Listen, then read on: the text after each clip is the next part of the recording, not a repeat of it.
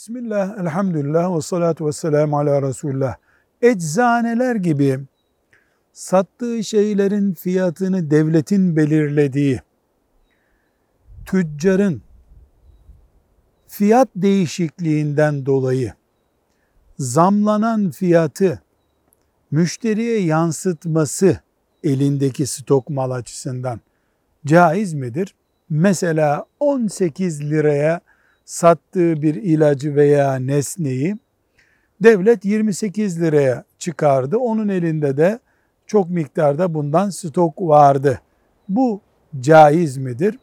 Diyoruz ki devlet aradaki farkı şu şekilde yapacaksın, devlete vereceksin veya vergisini şöyle vereceksin diye bir kayıt getirmiyorsa 18 liraya sattığı şeyi devlet 28 liraya çıkarınca yani zam yapınca onu alıcıya yansıtmasında bir sakınca yoktur.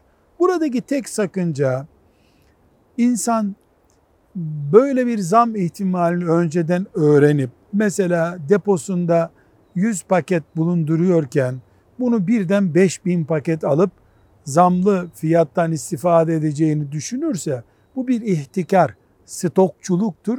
Bunda ciddi kerahat vardır. Velhamdülillahi Rabbil Alemin.